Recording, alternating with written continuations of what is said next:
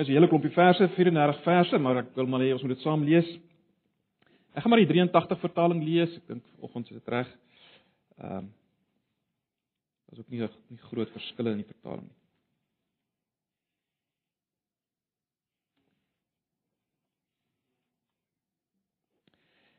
Vers 1: Jesus het weer die mense langs die see begin leer. 'n Baie groot menigte het by hom saamgedrom sodat hy op die see 'n skei gaan sit het.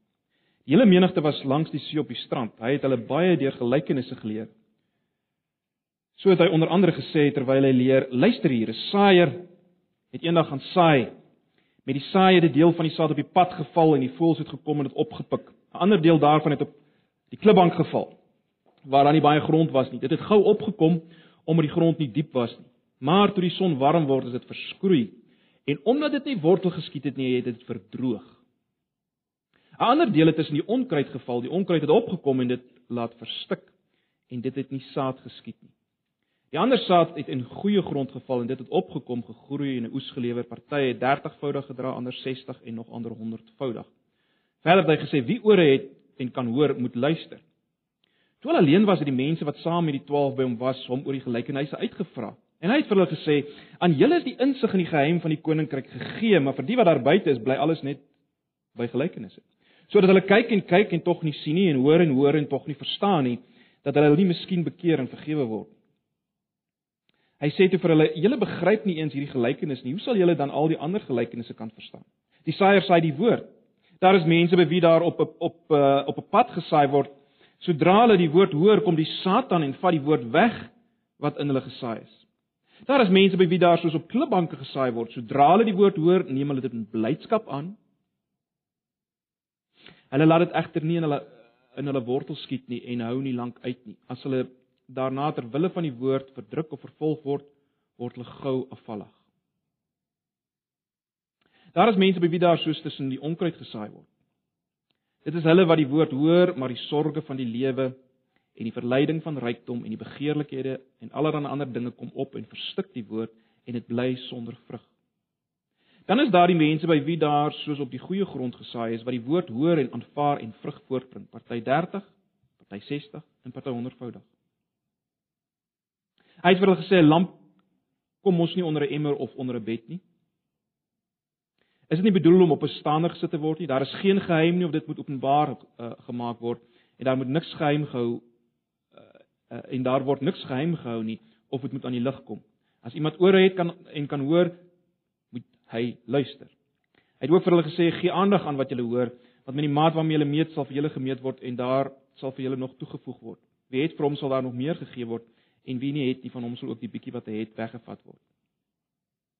Verder het hy gesê vers 26 met die koninkryk van God gaan dit so: iemand saai die saad op die land en gaan slaan en, uh, en gaan slaap en staan op dag na dag en die saad ontkiem en groei. Hoe weet hy self nie? Want self bring die aarde die graan voort, eers 'n halm, dan 'n aar, dan die volle koringaar. En wanneer die graan ryp is, steek hy dadelik die sekel in omdat die oestyd daar is. Hy het ook gesê, hoe sal ons die koninkryk van God voorstel? Met watter gelykenis sal ons dit uitbeeld? Dit is soos 'n mosterdsaadjie. Wanneer dit in die land geplant word, is dit die kleinste van al die soorte saad daar in die land. Maar as dit eenmaal geplant is, kom uh, kom dit op en word dit groter as al die tuinplante. Dit kry sulke groot takke dat die voëls in sy skaduwee kom nes maak. Deur baie sulke gelykenisse het Jesus met die mense oor sy boodskap gepraat, vir sover hulle dit kon verstaan. Sonder 'n gelykenis het hy nie met hulle gepraat nie, maar wanneer hy met sy disippels alleen was, het hy dit vir hulle alles uitgelê.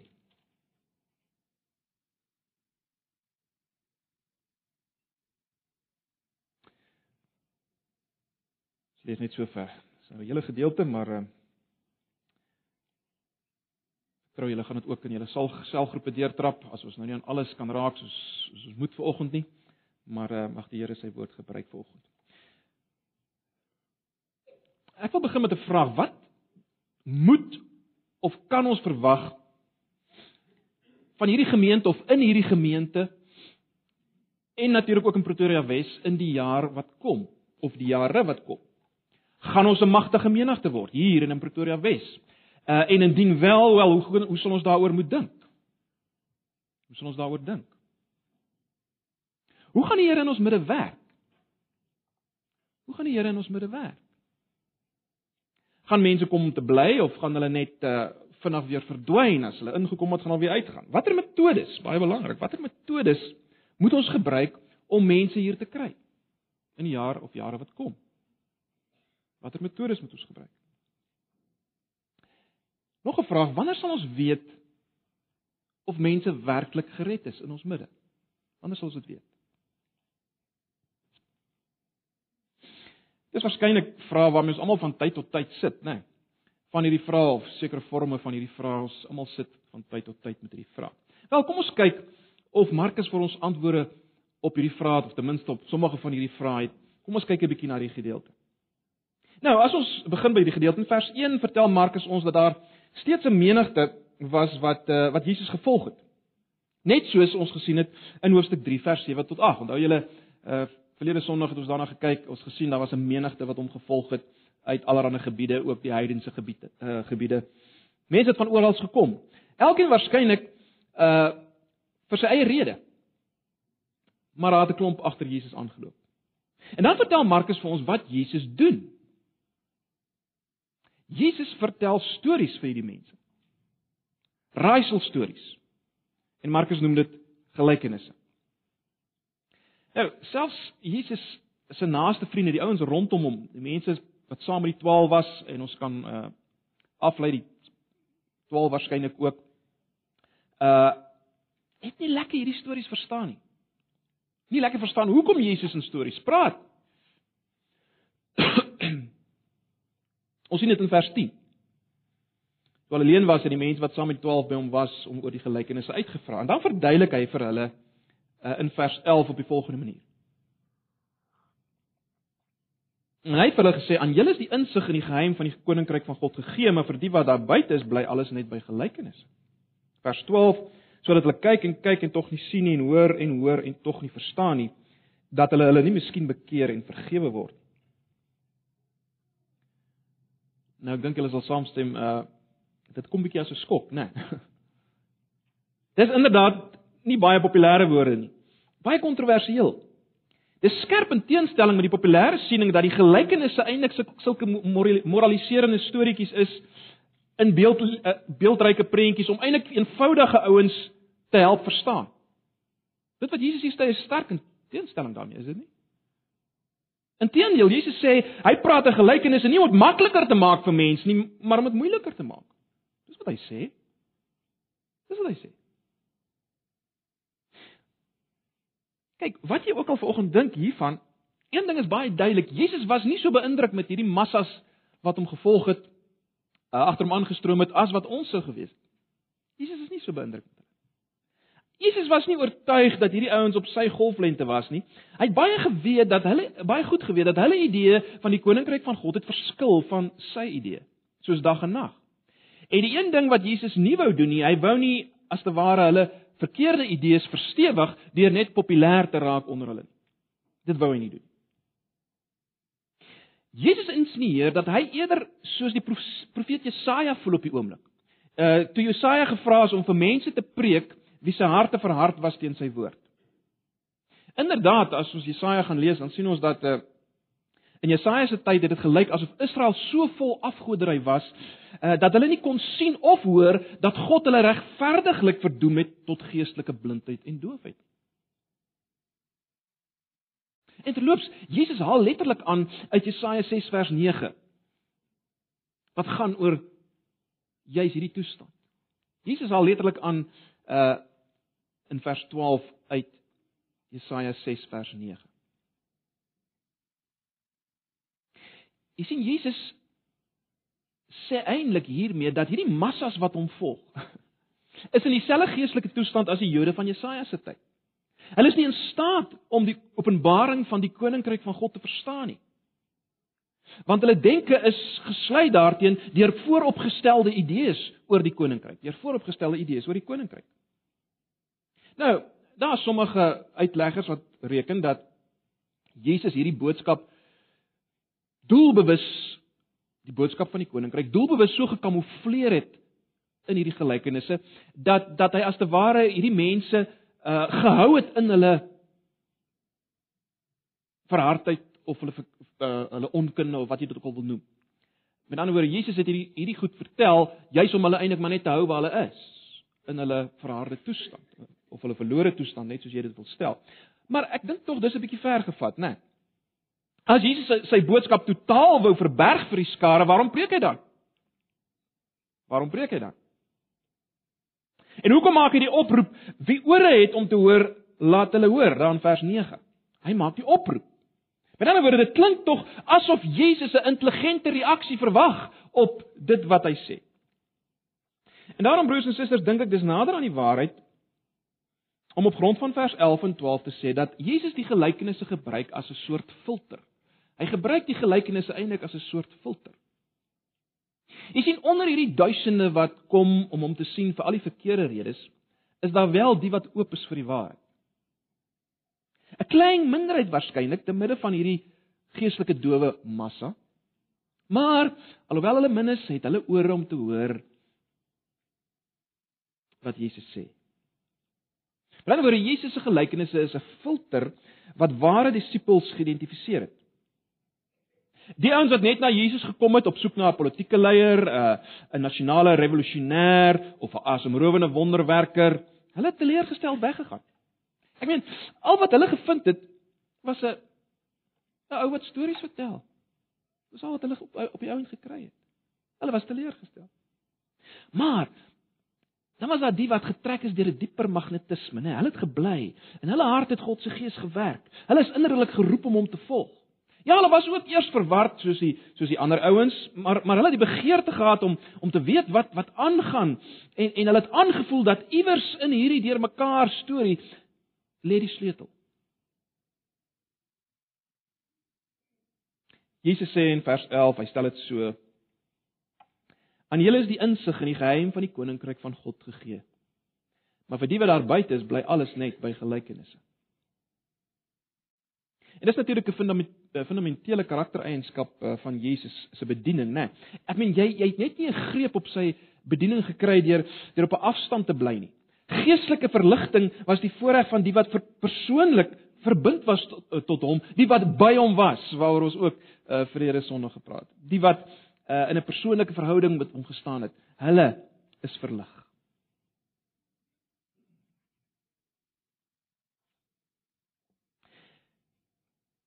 Terug by die gelykenis is baie interessant en betekenisvol dat Jesus in die interpretasie van hierdie gelykenisse voortgaan om hierdie siftingproses te verduidelik waarvan ons nou gepraat het.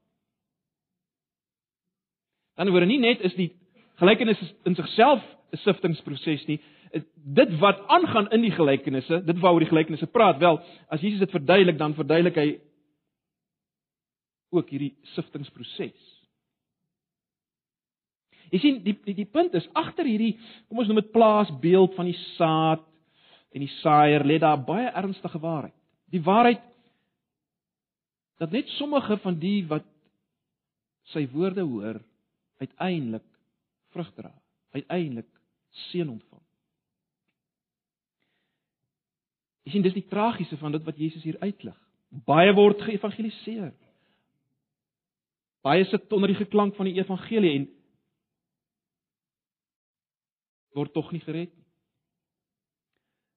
Die aanvanklike reaksie lyk baie keer belovend.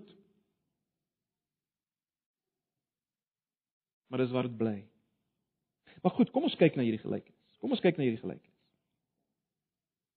Onthou nou dat Jesus het begin heel aan die begin van Markus. Ons ons daarna gekyk. Markus 1 vers 14 en 15. Toe Jesus verskyn, toe sê hy die koninkryk van God. Met ander woorde, die heerskappy van God het nou naby gekom nou dat ek naby gekom het. Bekeer julle en glo die goeie nuus en uh, en dan het Jesus begin om mense aan te raak. Rondom Jesus het iets sigbaar geword van sy heerskappy en die, die demone het dit erken en gevlug en so meer. Ons het na hierdie goed gekyk. Die heerskappy van God het verskyn. Maar nou is die vraag, hoe gaan hierdie heerskappy groei? Hoe gaan dit regtig groei? Hoe gaan hierdie wêreld as jy wil werklik verander word? Heerskappy het gekom. En dit wat wat gaan sigbaar word in hierdie heerskappy het sigbaar geword rondom Jesus, maar hoe groei hierdie ding? Hoe gaan dit toeneem? Dis die vraag. Ek meen, watter strategie gaan Jesus volg om die beslissende transformasie in die wêreld teweeg te bring? Gaan hy 'n uh, leermag engele opwek en gaan hy 'n uh, Jerusalem of dalk Rome binne mars met sy engele? Gaan hy bonatuurlik vuur uit die hemel stuur om om die om die goddeloses te verslind? Jy sien, dis die vraag, watter middele gaan Jesus gebruik om sy heerskappy te laat toeneem. En terloops, dit was die groot bron van debattering onder die Jode van die dag, hoor. Dit is waaroor die ouens gepraat het. Daar hulle het ook 'n gedagte gehad van die heerskappy van God en en en en en en hulle daaroor gedebatteer. En as Jesus praat van die geheimenisse van die koninkryk wel, dis jy's as te ware 'n antwoord op hierdie hierdie vraag van die Jode. Hulle het ook 'n verwagting gehad van hoe die koninkryk gaan groei.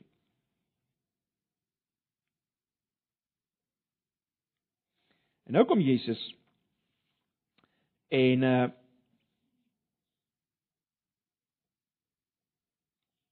hy kom sê dat die sleutel tot kom ons noem dit die geheime strategie van groei in die koninkryk, die sleutel hiertoe lê in die saad. Dis wat Jesus sê. Hy sê die sleutel lê in die saad. Jesus, God self Dis wie hy is, God wat mens geword het. Jesus sê die sleutel lê in die saad.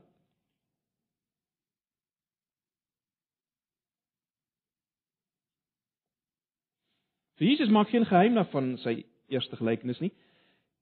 Die prediking van die evangelie, die goeie nuus. Die woord aangaande die koninkryk en die heerskappy wat in hom gekom het. Dis die kom ons noem dit seminale agent van verandering. Dit sal die kosmiese revolusie tot stand bring. Dit bring die heerskappy van God. Die saad is die woord van God. En natuurlik Jesus is die fokuspunt daarvan. Hy wat self God se finale woord is, né? Nee, dit is dit is die instrument. Dis die middel waardeur die heerskappy van God gaan kom. Ag, en broers en susters, ons kan nie te veel klem lê op hierdie frasiekie nie. Die saad is die woord van God nie. Dwars deur die geskiedenis van die kerk uh was daar altyd 'n gesukkel om dit te glo, né? Oor en oor is iets iets anders in die plek van die woord geplaas. Ons weet op 'n stadium uh is die is die is die is die nagmaalstekens, die brood en die wyn is in die in die middel geplaas. En uh deur die genade van die Here die reformatie gekom en weer die woord in die middel geplaas. Maar weer en weer is daar bewegbeweeg. Ons ons leef in 'n tyd waar waar daar geweldig klem is op op gospelfeeste. Lofprysing sametrekkings, genesingsdienste en so meer. Dinge wat nie noodwendig in sigself verkeerd is nie, maar dis nie die manier hoe die koninkryk van God groei nie. Dit is nooit gegee as manier hoe die koninkryk van God gaan.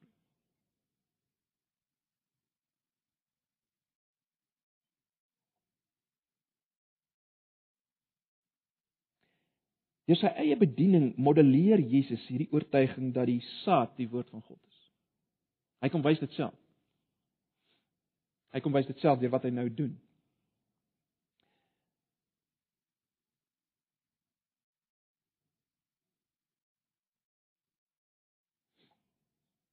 Maar kom ons kyk verder na hierdie gelykenis. Wat ek wil julle eerstens raak sien is die onvermydelike mislukking en teleurstelling as jy vashou aan aan die feit dat die saad die woord van God is. As jy besig is met hierdie proses. Die onvermydelike mislukking en teleurstelling wanneer daar gesaai word, as ek dit so kan stel. Het jy gekyk na wat Jesus hier vertel? Uh, dis tog nogal insiggewend. Hy beskryf een homogene saaiproses en vier verskillende grondtipes. Het julle dit gesien? Hy beskryf een homogene saaiproses en vier verskillende grondtipes. Nou, uh vandag as as jy nou vir deskundiges op uh of met deskundiges op die op die kerk in die in die kerkgroei beweging as jy dit sou wil noem gaan praat, uh dan sal hulle heel waarskynlik hierdie gelykenis anders vertel. Of laat ek dit so stel, as hulle hierdie gelykenis moes vertel, dan sou dit bietjie anders gelyk het, né? Nee. Hulle sou gepraat het van homogene grond en vier verskillende saaiers. Daar's 'n groot verskil, né? Nee. Ek sê Jesus praat van een homogene saaiproses en verskillende grondtipes. Hierdie ouens sal praat van een homogene grond en vier verskillende saaiers. Hulle sal sê die eerste saaier het op hierdie manier gesaai, hy het hierdie hierdie tegniek gebruik, maar dit het nie gewerk nie. Die volgende saaier het op daardie manier gesaai en dit ook nie gewerk nie. Die derde saaier het marknavorsing gedoen uh in in 'n bietjie ingegaan op moderne tegnieke en dit het gewerk.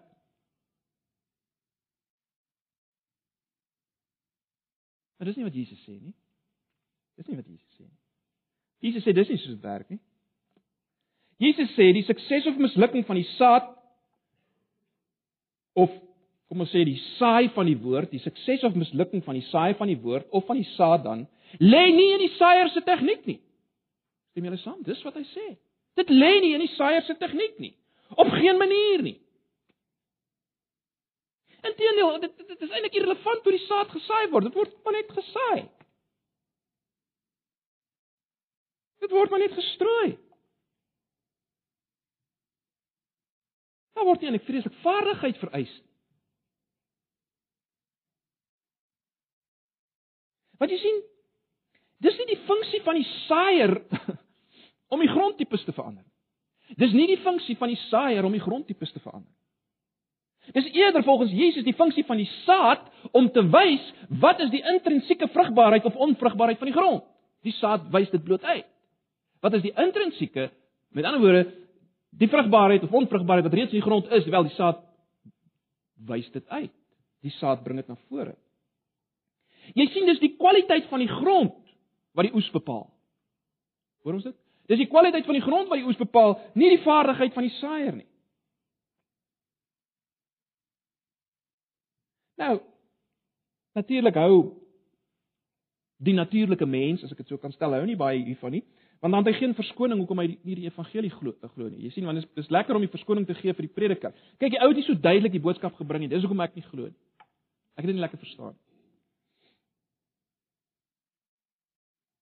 In ons tyd is daar natuurlik 'n geweldige klem op uh op die tegniek van saai, né? Nee, geweldig. Maar broers en susters, die eenvoudige waarheid is volgens hierdie gelykenis geestelike vrugbaarheid lê nie in die hand van die ou wat saai nie, of as jy wil, die leraar. Die gawe van die evangelis. Dit lê nie daar. Dit lê in die grond. Dit lê in die grond.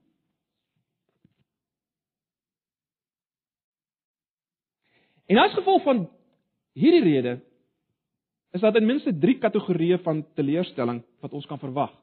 Wat ons in hierdie gemeente kan verwag en wat ons in Pretoria Wes kan verwag, wat ons oor die wêreld heen kan verwag. Daar's 3 kategorieë van teleurstelling. Kom ons kyk eers na die saad langs die pad. Waarvan ons lees in vers 4 en vers 15. Vers 4 noem Jesus dit en vers 15 gee hy die verduideliking. Ek gaan dit nou weer lees.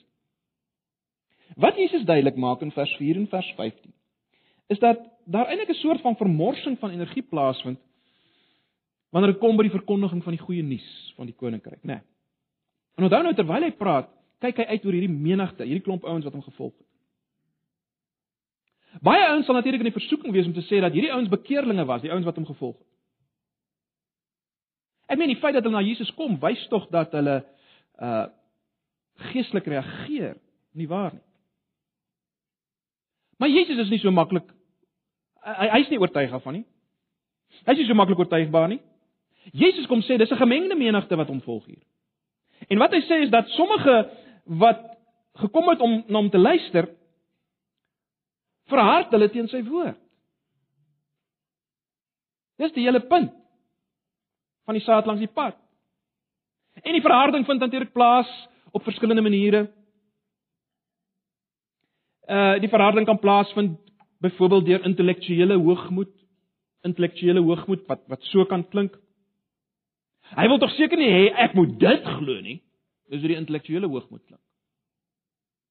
Dan's daar uh, die morele aspek, né? Nee. Uh, dit sal so klink. Kyk, as hy dink ek gaan stop hiermee net omdat hy so sê, Dis dis dis die morele aspek. Die morele rede. Dan is daar ouens wat uit selfgeregtigheid uh hulle self bevind langs die pad, as ek dit so kan stel. Selfgeregtigheid.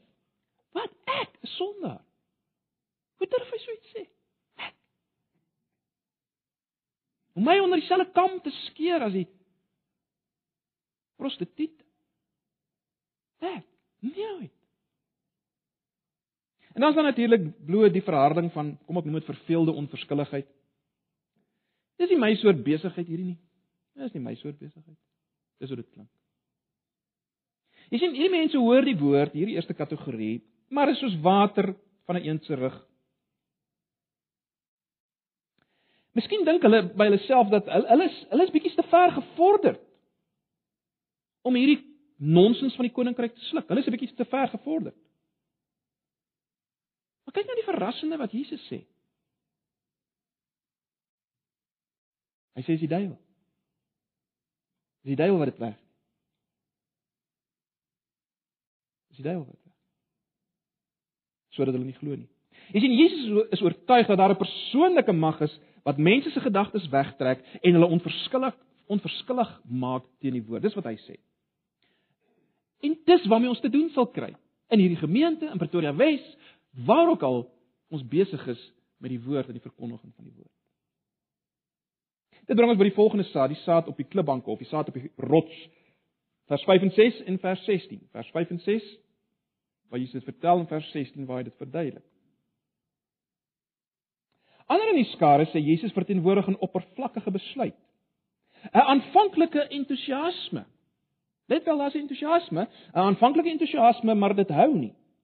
Jy sien, hierdie mense se reaksie tot die woord is bloot emosie, 'n soort dierlike opgewondenheid uh, wat jy kry as jy deel is van 'n groot skare, né? Ons weet dit. Uh, as jy deel is van 'n groot skare, dan kry jy daai opgewondenheid. Jesus sê baie van hierdie mense wat hom nou volg, is so. Hulle is net deel van hierdie groot skare. Of uh jy kan dit vergelyk met daai warm rilling gevoel wat jy kry as jy na baie sentimentele film kyk. Baie van hierdie mense val in daai kategorie. Hulle is dis hoe hulle is. Dat daar's aanvanklike emosie. Hulle kan selfs huil, man. In trane wees oor Jesus se boodskap. Jesus sê hulle ontvang die woord met vreugde. Maar die omstandighede verander, die adrenalien lek uit as as ek dit so kan stel. Die bedwelming van die oomblik gaan verby. Miskien voel hulle selfs dat hulle bietjie gekil is met hierdie hele ding. Hulle is bietjie gekil. Jy weet die emosies nou verby en nou voel hulle is bietjie gekil met hierdie hele storie van van die koninkryk. En dit klink dit klink miskien so. Hulle het vir my gesê Christendom gaan my gelukkig maak, maar ek is nie gelukkig nie. Ek is nie gelukkig nie. Hulle het vir my gesê Christendom gaan vir jou vriende gee, maar ek het nie vriende nie. Nee, dit moes dit moes waarskynlik bloot 'n adolessente fase gewees het waardeur ek beweeg het. Uh, ek, ek gaan nie langer 'n Christen wees nie. Jesus sê hulle het geen wortel nie. Jy sien hulle glo vir 'n tyd, maar as daar 'n soort van 'n bietjie toetsing kom, net so 'n bietjie toetsing kom, dan dan val hulle af. Ag, wie van ons het dit nog nie gesien? Jy kry ouens met hierdie dramatiese bekeringsgetuienisse, né? Wonderbaar. En hulle raak betrokke in al wat geestelik is. Ek meen hulle keer die wêreld omtrent om. Hulle verhaal is, is absoluut melodramaties. As jy weer sien, is daar niks van hulle te sien. Niks. Niks. Jesus sê dis wat gebeur. Dis wat gebeur wat die woord gesaai word. Dit sal gebeur in ons midde. Dit sal gebeur in Pretoria Wes. Dit bring ons by die volgende saad, die saad tussen die onkruid, vers 7 en ook in vers 18 en 19. Hier kry ons weer so entoesiastiese aanvanklike reaksie, maar anders as die uh as die vorige kategorie lyk dit of hierdie disippels nie gaan afval nie. Hulle behou 'n soort van Christelike identiteit, maar soos die tyd aangaan, word die Here al minder belangrik in hulle lewens. Soos die tyd aangaan word die Here al minder belangrik in hulle lewens.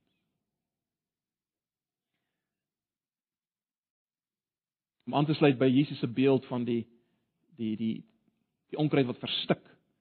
Wil ek dit so stel die die voelend. Julle weet wat voelend, né? Nee, uh, wat in bome groei en die plant verstik eintlik. Die voelend van mededingende belange tap hulle energie. Die slingerplante van materialisme en wêreldsheid gebruik al die sap van hulle geestelikheid op. Jy sien as hulle jonk is, is daar is daar is daar heeltyd die skool en universiteit. Jy sien hulle moet hulle moet hulle moet nou hierdie uh, goeters deurkom en uh, dis waarmee hulle besig is. Of sportprestasies, of seksuele aantrekkings, aantrekkinge. Dis dis die goed wat as jy jonk is of hierdie as hierdie ouens jonk is, is dit verantwoordelik vir die vir die verdeling van belange, die feit dat hulle stadig wegbeweeg vanaf hierdie aanvanklike entoesiasme. Dan is daar die middeljare. Uh met al die finansiële stres en die familieverantwoordelikhede en die beroepsambisie. Dis wat hulle stadig laat wegbeweeg. En dan kom jy ou daar. Nou dis weer preokkupasie met gesondheid. Ek meen die 500 verskillende tipes pille wat gekry moet word. Die tuin. Die tuin moet tog net netjies wees. En die kleinkinders. En ons moet tog 'n bietjie oor see gaan. En dis al daai dinge. Nie is nie slegte dinge in sigself nie, hoor, moet my nie verkeerd verstaan volg. Maar dis die tipe dinge wat uh, wat jou stadig laat wegbeweeg. Die, die punt is maar net, broers en susters, watter stadium van die lewe jy ook al in is, daar's dosyne dinge wat jou kan laat stik. Nee, dis wat Jesus van praat hier. Die onkruid wat hierdie plante laat stik, verstik doodmaak. Die resultate daarvan is hierdie plante kom nooit tot volwassenheid nie, hulle kom nooit tot vrug dra nie. Dis mense wat hulle self Christene noem. Kerk gaan word net 'n gewoonte. Hulle ken al die taal, hulle ken die regte taal gebruik ook hoor, hulle kan baie gereformeerd praat, maar as geen lewende persoonlike geloof nie. Geen.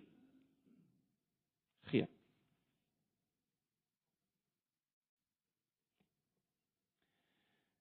So broers en susters, moenie dat ons 'n fout maak nie. Die die verkondiging van die koninkryk is vol teleurstelling. Vol teleurstelling. As al baie mense by daai deur inloop en nooit weer terugkom. Anders sal vinnig deel word van die gemeente, maar net om maar weer te verdwyn. Anders sal miskien week na week hier sit, maar daar sal nooit werklike reaksie wees nie. Hulle hulle hulle hulle gaan net nêrens betrokke raak nie.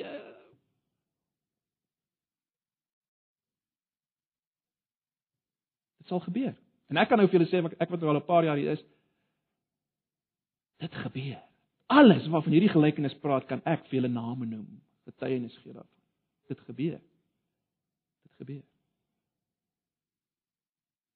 Maar nou is die wonderlike vertroosting.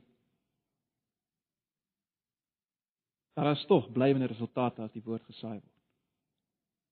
En dis waarvan Jesus praat in vers 8 en vers 20. Ons het mekaar gesê die woord is die enigste manier om die koninkryk te laat kom, te laat vermeerder, te laat toeneem, net soos jy dit wil stel. En dit sal gebeur.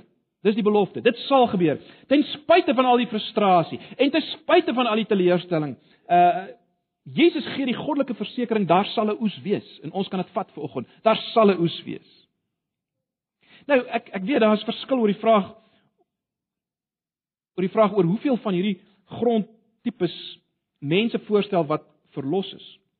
Ek dink almal stem saam dat ouens wat langs die pad, dit kan nie ouens wees wat regtig gered is nie, maar maar baie ouens argumenteer dat die ander uh grondtipes uh stel tog ouens voor wat wat regtig Christene is. Ek meen, uh die saad moes tog ontkiem het.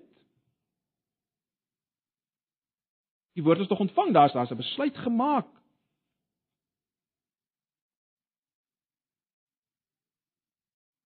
Laat ek dadelik sê ek is nie oortuig daarvan nie. Ek is nie oortuig dat enige van die ander grondtipes Christene voorstel. Werklike kinders van die Here nie. Hoekom sê ek so? Jy sien die hele punt van landbou is vrug van die saaier. Jy wil nie die goed moet opkom nie. Jy, jy soek vrug. Dis die hele punt. En dis die punt van die gelykenis. Dis die hele punt. Met ander woorde, Broers en susters, Die enigste ware reaksie tot die woord, as ek dit so kan stel, die enigste ware reaksie is die een wat sigbaar word in geestelike produktiwiteit. Dis die enigste ware reaksie. Wat sigbaar word in vrug dra. Ek wil vanoggend praat oor wat bedoel ons met vrug dra nie. Uh ons moet nou nie dink in terme van uh, van superchristene of wat ook al nie. Is die enigste dis die enigste ware reaksie tot die woord. Een wat sigbaar word en vrug dra. Ons het al baie vir mekaar het gesê, is dit nie? Uh, dit dit help nie jy sê ek het jare gelede 'n besluit vir Jesus gemaak. Dit beteken niks. Die vraag is wat jy nou? Is jy nou verbind aan Jesus? Dra jy nou vrug? Dis die vraag. Dis die vraag. Dit beteken nie, dit beteken nie dat Christene soms terugval nie. Maar jy sien daar's altyd weer 'n berou wees en 'n terugkom wees. Dis natuurlik die verskil tussen die Christen en die nie-Christen. Vir die Christen is daar berou, daar's 'n terugkom. Hy bly nie in die modder nie om die beeld te gebruik wat al baie ge gebruik is, né? Nee. Uh hy soos 'n uh, hy sê soos 'n vark in die modder nie, hy soos 'n kat in die modder. Hy geniet nie die modder nie, hy wil uitkom uit die modder. En dis waarmee ons mekaar moet help. Maar die punt is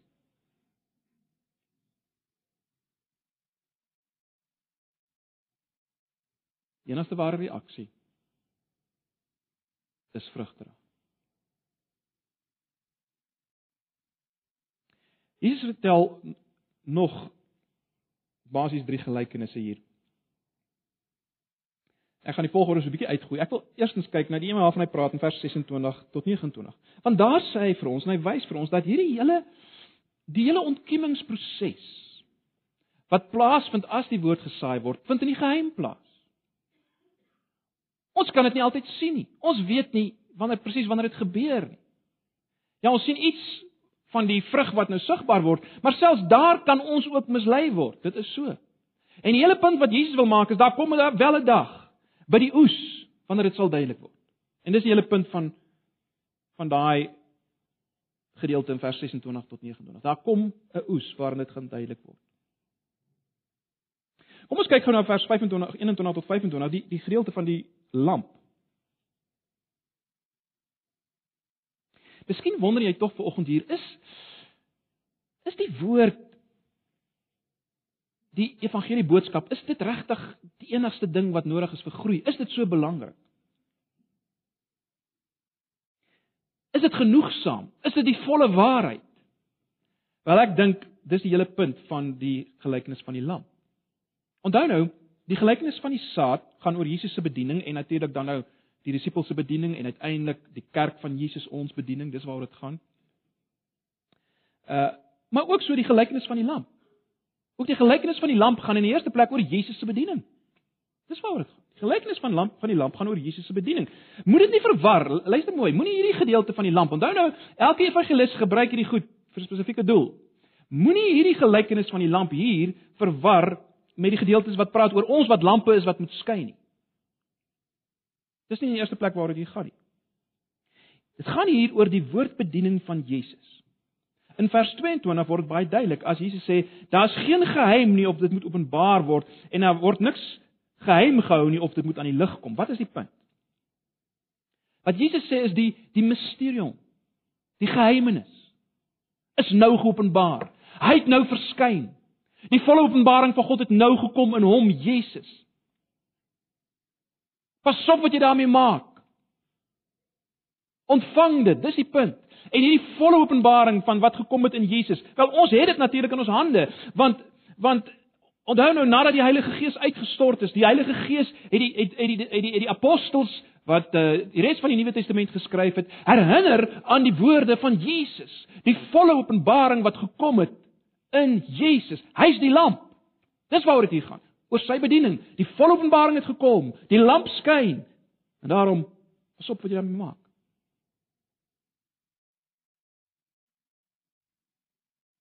En daarom omdat dit die volle openbaring is, saai met vrymoedigheid. Moenie na allerlei vreemde tegnieke toe gaan nie. Saai die woord, dis genoegsaam. Dis die volle openbaring, dis die lamp. Dit bring ons by die laaste gelykenis, die mosterdsaad. Vers 30 en 31.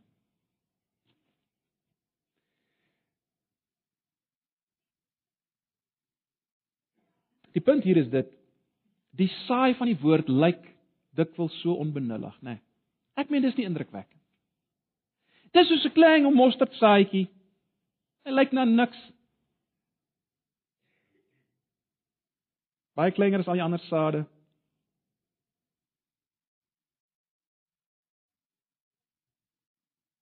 As ek dit so instel, dis die kleinste agent van groei teenoor al die ander agente van groei in die wêreld.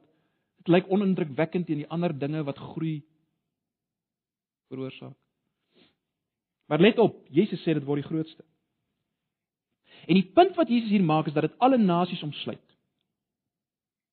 Onthou nou die konteks heeltyd, nê, nee, die die Jode wat dink hulle is deel van die koninkryk, maar nie deel is van die koninkryk nie. En die punt is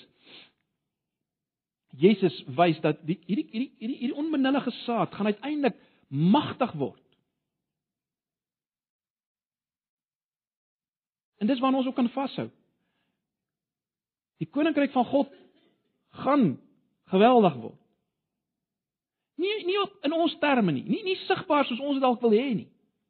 Maar in die groot prentjie gaan hy magtig word en en dis waaroor dit hier gaan en net terloops die betekenis van die voëls van die hemel wat daarin kom nes maak. Uh, ek gaan nou nie in daar vanoggend nie. Julle kan dit in die selgroepe doen. Uh dit verwys natuurlik uh na die heidene wat deel word van die koninkryk. Dis 'n bekende beeld eintlik wat gebruik word die voëls. Uh die uiteindelike vervulling hiervan word nog duideliker natuurlik in Handelinge gesien, uiteindelik in Openbaring. Maar hierdie heerskappy van God, hierdie koninkryk. Dit lyk nou na niks. Nie saad lyk na niks. Maar uiteindelik en dit die heerskappy is wat bly tot in alle ewigheid, broers en susters. En daarvan kan ons deel wees. Ag, wat 'n wonderlike vertroosting is dit. So ek sluit af. Wat kan en wat, wat kan en moet ons verwag in hierdie gemeente in Pretoria Wes en al ons aktiwiteite van die saai van die woord, wat kan ons verwag?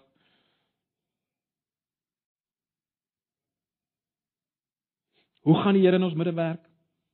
Gaan mense bly? Gaan hulle weer gaan? Hoe kan ons of wanneer sal ons weet of mense gered is? Hoe moet ons daaroor dink? Wel, die antwoord is alles in hierdie gelykenis.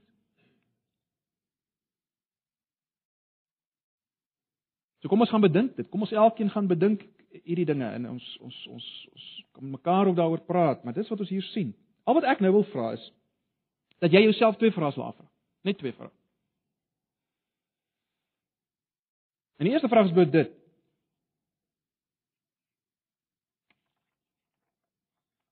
Watter soort grond is ek? Kom ek kom ek vra dat ons dit eerlik sal doen. Watter soort grond is ek?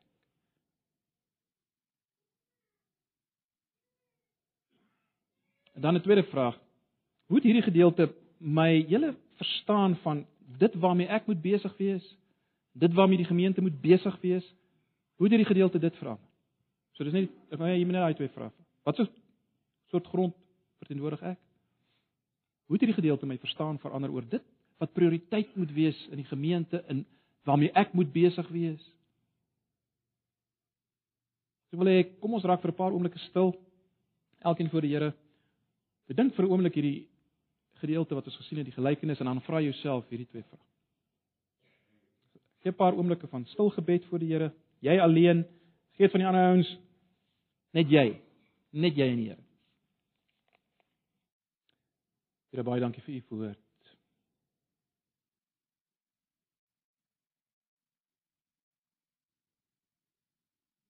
Die saad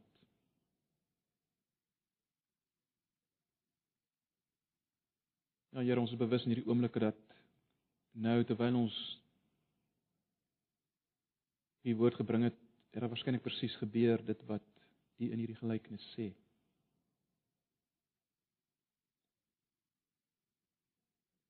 Ek wil nou bid vir die wat hierdie woord ontvang het. Vrugbare grond.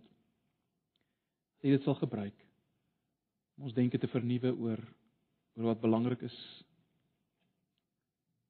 in u koninkryk. Dit waarmee ons moet besig wees. Nou Here, ek wil bid dat U sal werk in ons gemeente, dat U mense sal oortuig van van hulle toestand en dat hulle werklik na U sal vlug, elkeen, dat elkeen van ons waarlik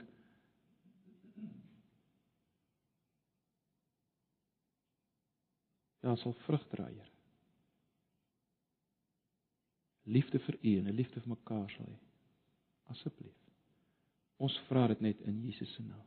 Amen.